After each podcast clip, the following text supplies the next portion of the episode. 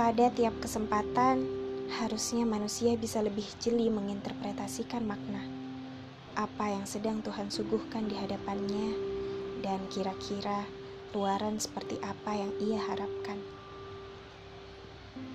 Dalam perjalanan mengarung samudera tak bertepi, kadang fokusku jadi berbelok, bahkan berbalik arah.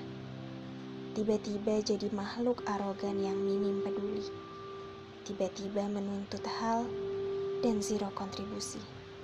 Tiba-tiba otak dipenuhi gambaran manis dunia yang padahal ilusi.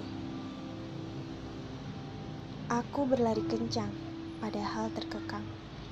Terperangkap pada persepsi dungu yang lahir dari input yang salah.